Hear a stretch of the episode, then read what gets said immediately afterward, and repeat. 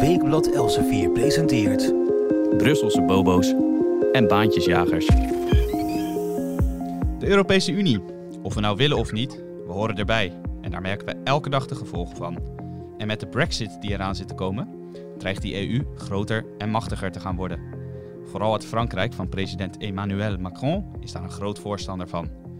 Gaat Nederland daarna het vertrek van het EU-kritische Verenigd Koninkrijk in mee?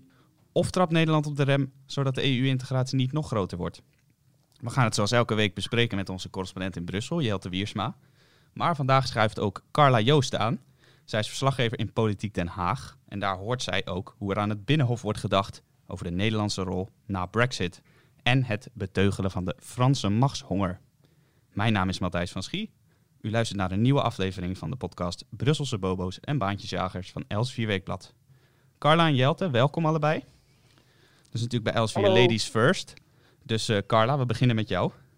Hoe ziet het kabinet in Den Haag de Nederlandse rol na Brexit?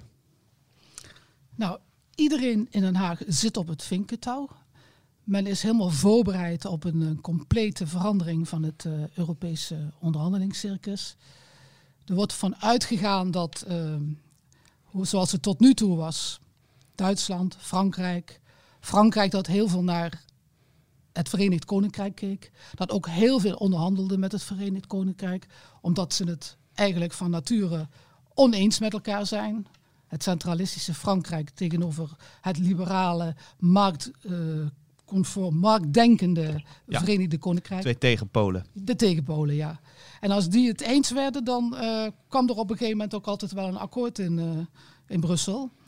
En aangezien die driehoek gaat veranderen, is Den Haag voorbereid op uh, een totale omkering van, uh, van de balans, zeg maar. En in het algemeen wordt gedacht dat Nederland veel harder moet werken om uh, zoveel mogelijk van, het eigen, van de eigen ideeën in Brussel verwezenlijk te krijgen. Ja, dus Nederland wil daar echt van gaan profiteren, zeg je, door een machtigere, grotere rol te gaan spelen in Brussel. Althans, dat is de ambitie. Dus het is niet zo dat, dat er wordt gezegd profiteren er wordt gewoon heel serieus gekeken naar het feit dat uh, de natuurlijke bondgenoot, Nederland was ook altijd een liberaal, uh, of is ook een liberaal kijkend land in de EU, uh, dat verlies, dat, dat, dat moet worden goedgemaakt. Helder, dan gaan we even over naar jou, Jelte. In Brussel bespeur jij een bepaalde houding van Nederlanders en die verschilt geloof ik iets van wat er in Den Haag wordt verteld. Kun je daar iets meer over uitleggen? Ja, je kan het wel een beetje bekijken dat... Um uh, als uh, startpunt 2016 moet worden genomen het referendum in het Verenigd Koninkrijk over Brexit. Uh, waarna de premier Mark Rutte in de Tweede Kamer verklaarde dat hij Brexit, hoe hij er ook naar keek, van alle kanten haatte. Um, en dat was wel enigszins opmerkelijk, want um, uh, het was inderdaad zo dat Nederland het meest enthousiast was al in eerste instantie om het Verenigd Koninkrijk EU-lid te maken in de jaren zeventig, uh, tegen de wens eigenlijk van Frankrijk in. Uh, omdat het Verenigd Koninkrijk vaak wil wat Nederland ook wil. Ja, zoals Carla zei, de, de natuurlijke bondgenoot. Precies, maar toen het, nu het Verenigd Koninkrijk eruit gaat, zoals in 2016 duidelijk werd, was dat natuurlijk een enorme nederlaag voor Nederland. En ik snap ook dat Rutte toen zei: ik ga die brexit van alle. Het gekke wat er toen gebeurd is, is dat Nederland uh, geen enkel initiatief heeft genomen om die brexit te gebruiken, die brexit-stem, als een breekijzer om die EU te hervormen. Mm -hmm. um, en wat er daar, uh, sterker nog, Nederland is zich helemaal gaan vereenzelvigen met de EU, heeft, heeft um, Frankrijk alle ruimte gegeven met, uh, uh, om Barnier naar voren te schuiven als Brexit-onderhandelaar. Michel Barnier, de Franse voormalige eurocommissaris. En Nederland heeft, is in de Brexit-onderhandelingen de hardste speler geworden tegenover het Verenigd Koninkrijk. Uh, dat weten weinig mensen. Het is weinig in publiciteit geweest, want het was gedaan alsof Nederland en Engeland de, gro de, grootste vrienden zijn. Maar Nederland was, was de hardste onderhandelaar. Dus, Waar blijkt dat bijvoorbeeld uit? Uh, dat, dat Nederland. Een, kun je daar wat voorbeelden van? Sorry, Jat, ik onderbreek je even. Kun je daar wat voorbeelden van geven? Ja. Dat Nederland uh, zich hard opstelde tegenover de Britten? Ja, Nederland ging elke keer maar door over de integriteit van de interne markt. Die moest nog vooral beschermd worden. En er moest ten koste van alles worden voorkomen dat er via Ierland, Noord-Ierland, een soort achterdeur zou komen waar via producten uit bijvoorbeeld de Verenigde Staten, China, India, Afrika uh, de Europese markt op zouden komen. Nederland wilde dat ten koste van alles voorkomen. En er moesten allemaal checks komen en mhm. heel ingewikkeld. En ja, als je weet hoe lek de Rotterdamse haven is.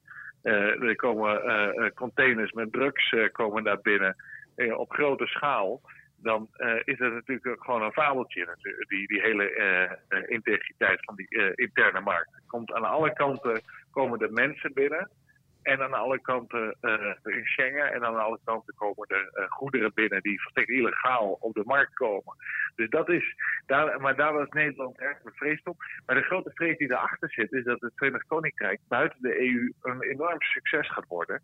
Um, en dat het met lagere belastingen, minder regels, minder overheidsbemoeienis met, met burgers en bedrijven.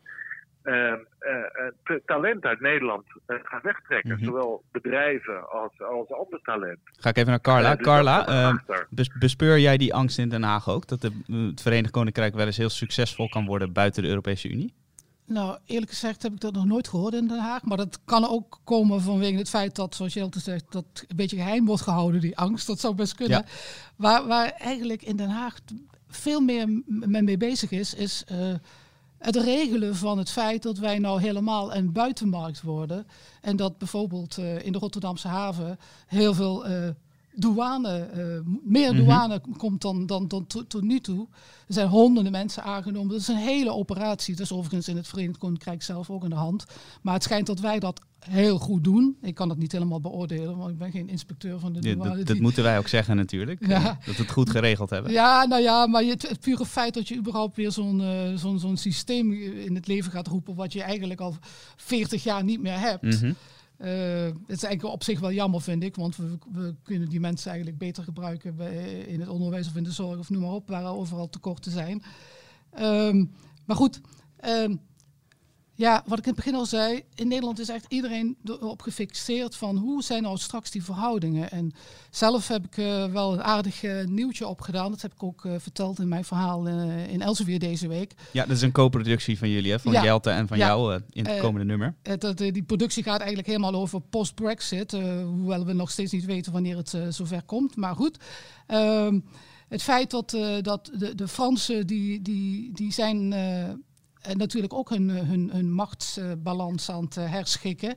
En die, um, die doen al poeslief tegen Nederland. En uh, er staat ook boven mijn verhaal: Parijs flirt met Den Haag. Want wat uh, had ik gehoord, namelijk dat uh, de Franse regering, die wil eigenlijk met Nederland net zo'n relatie als ze altijd hebben gehad, gehad met Duitsland. Mm -hmm. dat, dat kwam echt rechtstreeks uit een bron van het Elysée. Dat, vond ik toch wel heel uh, opmerkelijk. En ik, ik denk, nou, dat zullen ze toch wel heel vlijend vinden. Mm, dat klinkt zeker vlijend. het binnen, binnenhof dat het uh, kleine Nederland uh, wordt gezien als zogenaamd dan de nummer drie. Dat klinkt inderdaad als een, als een gelijke, als een, een land dat zich kan meten misschien met Frankrijk en Duitsland. Maar zou het ook niet kunnen dat Frankrijk daar heel erg mee probeert Nederland in te palmen? Jij noemt het zelf flirten. Ja. Is het niet meer een soort inpalmen? Ja, ik denk dat inderdaad in het kader van die, van die nieuwe verhoudingen, dat, dat de Fransen gewoon uh, zoveel mogelijk vrienden willen maken. En ook hè, een beetje Nederland stroop op de mond smeren. Zo van, want ja, wij, wij staan toch wel bekend als best wel lastig. Ja. Uh, dus... Uh, zie jij dat ook zo, Jelte? Staat Nederland bekend als lastig in Brussel? op sommige dossiers zeker. Ja, op sommige dossiers zeker. Alles wat met geld te maken heeft daar, wordt Nederland misschien niet zozeer als lastig, maar gewoon die Nederland, Nederlanders behartigen de belangen van Nederland uh, op die dossiers. Uh, ik ben uh, erg, was erg geïnteresseerd in wat Carla op heeft geschreven in het blad deze week, omdat een heel belangrijke draaiing van het politieke machtsspel. Het draaide altijd om. Um, laten we zeggen, Frankrijk en Duitsland. En dan had je het Verenigd Koninkrijk daar als een soort buitenspeler bij. als aanvoerder van de meer EU-sceptische landen Mhm. eh, eh, vaak eh, blokkades opwierp. Samen met bijvoorbeeld landen als Polen en, en de Scandinavische landen en soms ook Nederland. Ja, wat meer de noordelijke kant. Maar, maar ja, precies. Ehm, en en ehm, ja, Ne- Nederland probeert, eh, en dat is een opmerkelijke spin die de afgelopen jaren eh, is eh, verspreid, een soort nummer drie te worden in die Europese Unie. Zo van Frankrijk is de aanvoerder van Zuid-Europa, Duitsland is, is Duitsland in het hart. En Mhm. ook wel een beetje de aanvoerder van hier en daar wat, wat, wat eh, conservatievere landen, waar Oostenrijk dan bij hoort. Ja. En dan is Nederland de aanvoerder eigenlijk in plaats van het Verenigd Koninkrijk van een alliantie met een wat meer liberaal georiënteerde Noord-Europese landen. Dus Nederland zou dan in die redenering nummer drie zijn. En Mhm. dat wordt behoorlijk uitgevent hier door Nederlanders in Brussel, die dat graag vertellen. Ook journalisten doen daar tot mijn verbazing aan mee. Eh, terwijl in de, eh, dus de, de stroop om de mond smeerderij, zoals Carla dat zo prachtig noemt, Ja, van de Franse naar Den Haag pa- pa- past in een Franse agenda om ehm, eh, van, van die Europese Unie eh, een, eh, een zo, zo meer, zo, zoveel mogelijk eh, Frans georiënteerde en Franse belangen bedienende organisatie te maken. En ehm, eh, daarvoor hebben ze eh, ehm, eh, eh, eigenlijk al Duitsland in de achterzak. Duitsland weet niet wat het wil. Duitsland heeft weinig zelfvertrouwen. Mhm. Eh, de enige die, die heel vervelend zijn, dat zijn eh, de, de noordelijke alliantie met, eh, met Nederland, eh, Denemarken, Zweden, er zitten nog een aantal in. Dus ehm, als Frankrijk, die, als Nederland, als, als Frankrijk, als Emmanuel Macron in persoon, Nederland in de achterzak heeft, dan, ehm, ja, dan, heeft hij het, dan heeft hij het Rijk voor zich alleen. En, eh, maar het is een heel, heel boeiend, boeiend proces. Kijk, Macron is er al in geslaagd om Mark Rutte met zijn partij VVD binnen te halen in een nieuwe fractie in het Europees Parlement. Dat was vroeger de alliantie van liberalen en democraten. En dat heeft, is onder dwang van Macron is dat nu de, eh, heet dat nu Renew Europe. Het mocht absoluut geen liberalen heten. En in die nieuwe fractie is, is eh, Macrons partij Marche verreweg de grootste. Ik zie Dus hier, Carla zit hier, eigenlijk eh, al- sorry Jelte, Carla zit hier te trappelen om, om in te Ja. breken. Die wil er ook graag Ik iets wil over even kwijt. iets aan aanvullen, want het is wel inderdaad wel interessant wat Jelte zegt over die naamsverandering. Ehm, eh, want de reden dat het woordje liberaal niet in die nieuwe partijnaam mocht terugkomen, dat is eigenlijk omdat liberaal wordt in Frankrijk gezien als een soort Sodom en Gomorra. Dus als je dan dat in je partijnaam hebt, in, eh, in je Europese partijnaam, dan, eh, dan, dan, nou, dan wil je dan niet bij horen als Fransman. Dus eh, Dit is interessant. Herken jij dat ook, Jelte? Ja, zeker. Nee, liberaal wordt, eh, in Frankrijk eh, gezien als economisch eh Wild West. Vooral. En eh, dat eh, als Anglo-Saxische economische Wild West, eh, dat was trouwens. Hè, om om vreemde reden. Want economisch gaat het veel beter in de Verenigde Staten en het Verenigd Koninkrijk dan in Frankrijk. Maar goed, dat terzijde. Voor Frankrijk is het essentieel om de laatste, laten we zeggen, drempel naar Franse suprematie op te rollen en eh, als ze op te nemen. En als ze die willen nemen, dan is Nederland de eerste horde zeg maar, waar je overheen moet. En Ik- als ik- ze mag ik even eh, onderbreken, Jelte? eh, Jelte, sorry. Ja. eh, Carla, die, ja. eh, die wil jou graag Ja. even onderbreken. Ja, Ja, omdat we, al- eh, dan kunnen we daar ook verder gaan met die, eh, die, die afkeren van, van eh, Wild West, wat jij net zei. Dat is inderdaad iets wat, natuurlijk, wat we allemaal kennen van, van Frankrijk. Hè. Ze hebben altijd de Franse cultuur en de Franse taal, et cetera, zo enorm proberen te beschermen. Maar ik weet nog dat ik zelf een keer eh, een reis maakte door het land en ik verbaasde mij over het aantal McDonald's dat ik in Frankrijk zag. En dat, dat vind ik wel heel eh, illustratief van hoe, hoe Frankrijk eigenlijk aan de ene kant die verhalen heeft over hoe het allemaal moet en, en hoe, hoe de Trots, beelden van, eh, van, van de, hè, de cultuur bewaren. En, en zo. Maar in de praktijk, eh, go with the flow. Hè, gebeuren ook daar de dingen die, die ons allemaal overkomen, namelijk de Amerikanisering. En nu zie je zelfs een Franse president die vloeiend Engels praat en eigenlijk niet eens meer de moeite doet om eh, zijn eigen taal eh, eh, dominant te laten klinken in de Europese Unie. Dit is heel, heel interessant wat je daar zegt. Uh, vroeger op de camping inderdaad, als ik uit eigen ervaring spreek, sprak geen Fransman Engels. zie jij die, die opening richting de, de Anglo-Saxische wereld ook, Jelt? Of, of is dat eigenlijk maar schijn? Um, ik, um, ja, ik zat, zit even aan te denken. Um, Nee, ik, ik geloof dat niet. Ja, Frankrijk, Frankrijk is heel erg veramerikaniseerd. Uh, veel meer dan een land als Italië bijvoorbeeld, mm -hmm. waar tot voor kort nauwelijks McDonald's of iets dergelijks. Of mega supermarkten of zo, dat bestaat dan nauwelijks of ja. niet.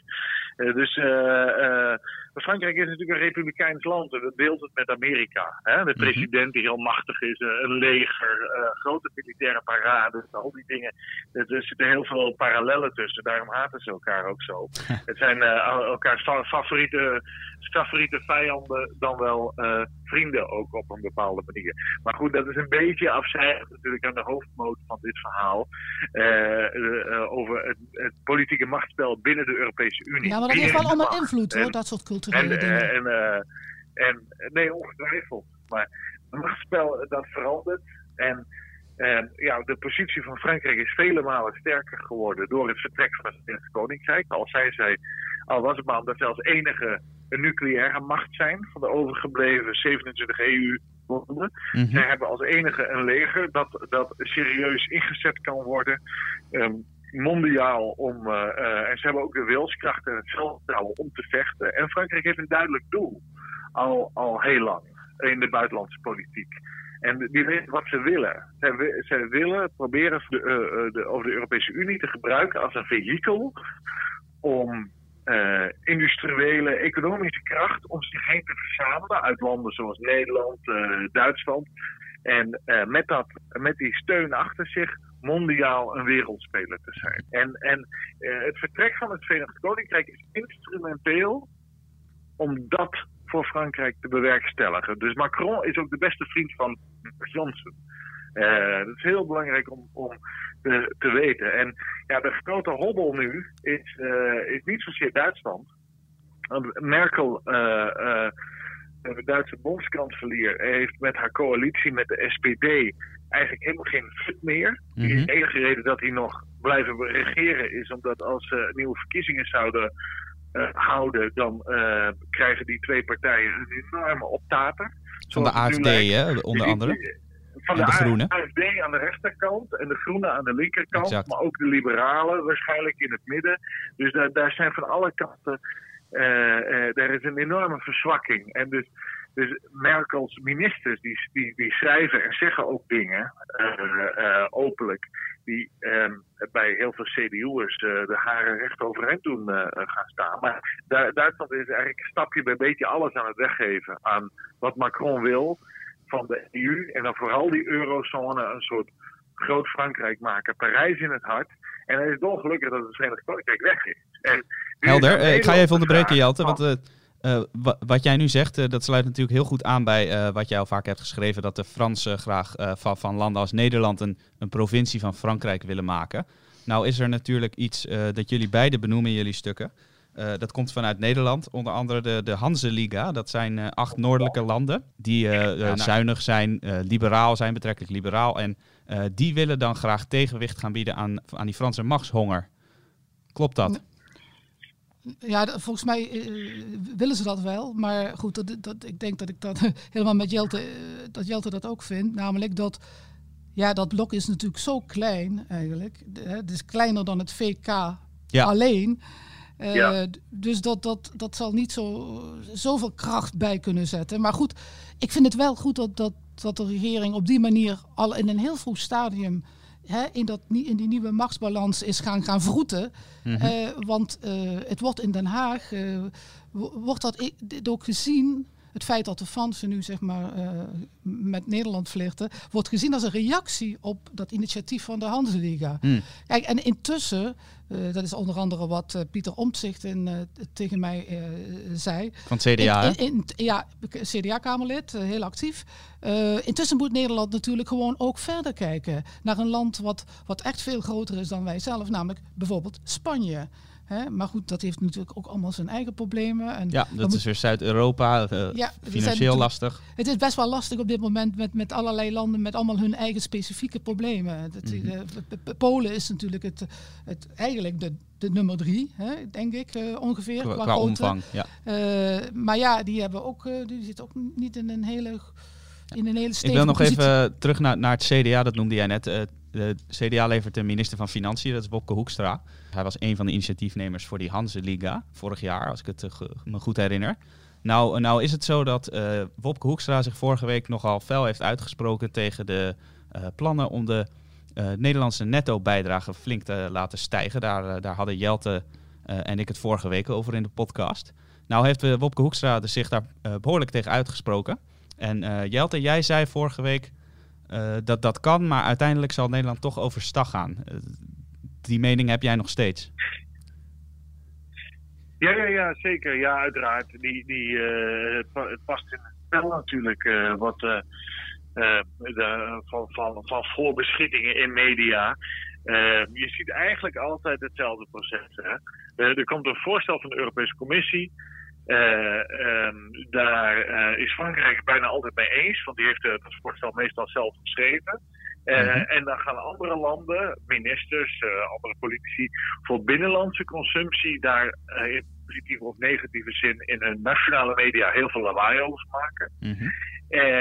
Want ze willen natuurlijk tegenover over het eh, burgerbevolking, de kiezers, ehm, eh, laten zien hoe goed ze wel niet voor het nationaal belang vechten. Eh, nou ja, dan uiteindelijk gaan ze eh, in Brussel met elkaar in conclave en dan komt er iets uit. En dan, eh, ehm, dan zal Nederland eh, water bij de wijn gaan doen en meer geld gaan afdragen. En dat past weer in het plan van Frankrijk, want die willen dat dus heel graag. Dat de Europese Commissie een hoger budget krijgt, hogere begroting. En dat rijkere landen, zoals Nederland, veel meer gaan bijdragen. Je moet de verhouding maar eens bekijken. Het is ongelooflijk dat eh, een land als Nederland zou 7,5 miljard moeten gaan betalen. En Frankrijk netto, en Frankrijk 10. Mhm. Ja, Dus, eh, Frankrijk is een heel stuk groter. Vier keer, vier, keer, vier keer zo groot is qua bevolking. eh 14 keer groter qua oppervlakte. Dat zou dus eh, maar een heel klein beetje be- meer moeten gaan betalen aan contributie aan die club. Ehm, Ja, dan moeten die plannen Ja, natuurlijk nog wel maakt- doorgaan hè, van, eh, van de Europese Commissie. Carla, ben jij daar ook, zoals Jelte, eh, sceptisch over? Dat Nederland eh, dan wel gaat zeggen, zegt dat ze Ja. daar niet mee akkoord gaan, maar dat het uiteindelijk toch gaat gebeuren? Of zie jij Nou, wel Ik denk dat het in het eh, verleden is gebleken dat, eh, dat je je inderdaad gewoon wel altijd moet verzetten tegen de megalomane plannen die de Europese Commissie maakt. Mhm. Maar het is ook gebleken in het verleden dat die plannen altijd wel kunnen worden bijgesteld. Maar ja, natuurlijk krijgen wij niet helemaal onze zin.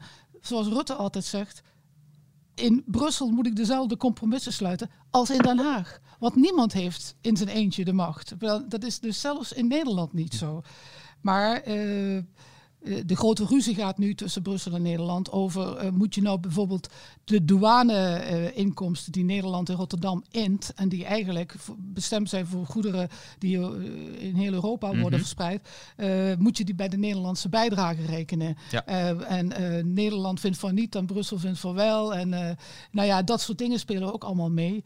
Ehm, ja, het, het wordt wel een hard gevecht, Ja. denk ik. Maar, eh, en ik denk ook wel dat Nederland wat meer moet gaan betalen. Ondanks dat het VK eruit gaat. Je zou zeggen, het wordt, eh, de Unie wordt kleiner.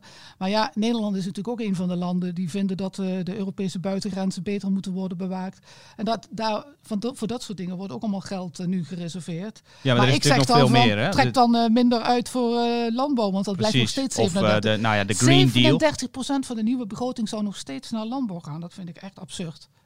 Deel jij die mening, Jelte? Is dat absurd? Ja, zeker. Ja. En eh, die, die, die landbouwsubsidie die gaat voor 80% naar hele grote grondbezitters.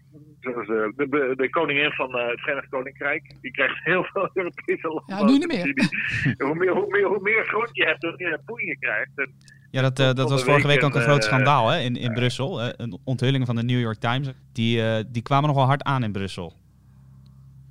Ja, ik heb er wel eens eerder over geschreven. Eh, in Polen ben ik een keer op reportage geweest.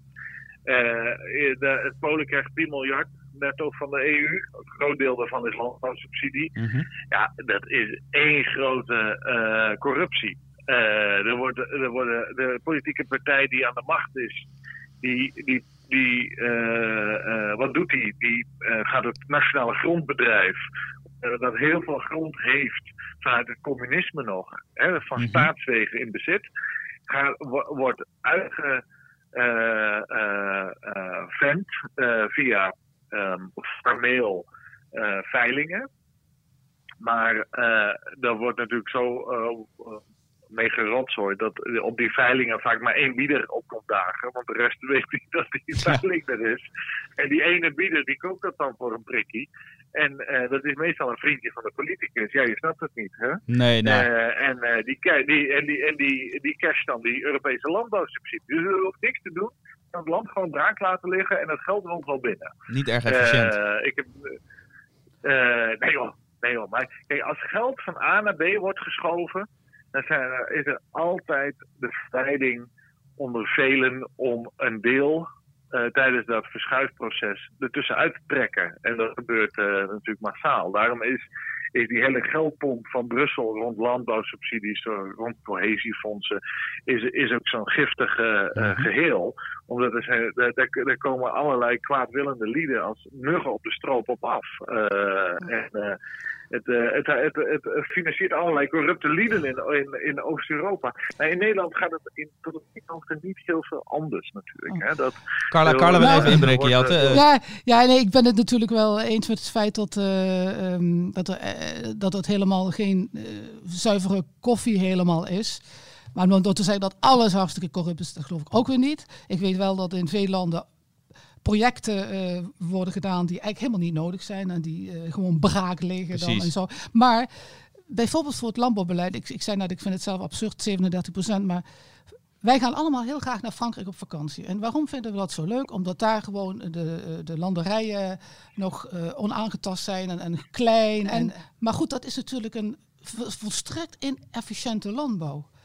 Uh, en daarom hebben, krijgen ze ook veel subsidie van mm Europa. En ja, daar kun je allemaal dingen op tegen hebben. En dat, dat moeten we ook vooral volhouden. En vooral moeten we heel kritisch zijn op uh, bedrijven die ten onrechte dat geld krijgen. Maar mhm. er zitten ook soms wel wat dingen in dat je denkt van nou, ach, misschien kan dat weer wel. Dus het ligt allemaal wel, ja, het is allemaal niet zo zwart-wit denk ik. Duidelijk. Uh, we zijn met Carla begonnen net. Uh, dan wil ik nu graag met Jelte afsluiten. Jelte, we, we gaan de komende tijd zien wat Nederland precies in die Europese Unie voor elkaar kan gaan boksen tegenover het grote Frankrijk. wat verwacht jij? Uh, nou, niks, eigenlijk niks. Uh, kijk, Charles de Gaulle is de, Europa, vraagteken, dat is Frankrijk en Duitsland. En de andere landen tellen eigenlijk niet. Toen het Verenigd Koninkrijk erbij kwam, werd het feestje een beetje verstoord voor de Fransen. want de Verenigd Koninkrijk ging op allerlei gebieden allianties aan met de Duitsers en ook wel met de anderen. En die vormden een zogenaamde blokkerende minderheid. Nou, Nederland, uh, door het verlies van het stemgewicht van het Verenigd Koninkrijk, mhm. heeft niet meer zo'n blokkerende minderheid in die Europese Unie. En met het uh, besef dat Duitsland zwakke knieën heeft, ehm, is, uh, ja, zijn we overgeleverd zonder een stevige regering aan, aan de wensen van uiteindelijk de president van dienst in het Elysée. En dat is een zeer, zeer zorgwekkende toestand. en ik zie niet de wilskracht in Den Haag om daar uit te komen. En we zullen die provincialisering van Nederland alleen maar verder kunnen gadeslaan. En als laatste lijkt het wel verstandig nationaal te debatteren. want dit is natuurlijk nooit een propositie geweest die in het parlement, in eh, de Tweede Kamer ooit besproken is. Willen wij, willen wij dat? Mm willen de burgers van Nederland dat? Want er wordt vaak verkeerde, met opzet woorden uh, gebruikt over Europese samenwerking. Nou, dat is het niet. Het is een machtsoverheveling. En dat lijkt me cruciaal voor het voortbestaan van ons land überhaupt. Uh, en het lijkt me toch wel een nationaal debat waard. Mm Nou ja, dat nationaal debat is in, uh, in de Tweede Kamer te voeren. En daar, daar zit Carla dan weer uh, dicht bovenop. Dan, ik zei het laatste woord is voor Jelte, maar ik geef het nu toch nog even aan Carla. Nou, het ging even over, ik hoorde Jelte zeggen, provincialisering. En ik dacht eerst dat ik professionalisering hoorde. En dat is wel in Den Haag wel, uh, leeft heel erg. Met die nieuwe machtsbalans moeten we onze diplomatie professionaliseren. Hè? Professioneler maken. Dat, dat lijkt me inderdaad wel slim. En uh, intussen debatteren we in Den Haag ook nog wel, denk ik. Ja, we gaan het zien. Uh, daarmee zijn we aan het einde gekomen van deze podcast. Ik wil jullie allebei hartelijk bedanken, Carla Joosten en Jelte Wiersma. Wellicht zitten we binnenkort hier weer om te praten over de Nederlandse rol in de Europese Unie. Hartelijk bedankt nogmaals allebei. Ik uh, wil u, de luisteraar, ook hartelijk bedanken voor het luisteren naar deze aflevering van Brusselse Bobo's en Baantjesjagers. Wilt u nou niets missen van deze podcastserie of van onze andere podcasts? Abonneer u dan op ons kanaal Elsevier Weekblad, bijvoorbeeld op Spotify, iTunes of op YouTube. Of ga naar elsevierweekblad.nl slash podcast. Tot de volgende keer.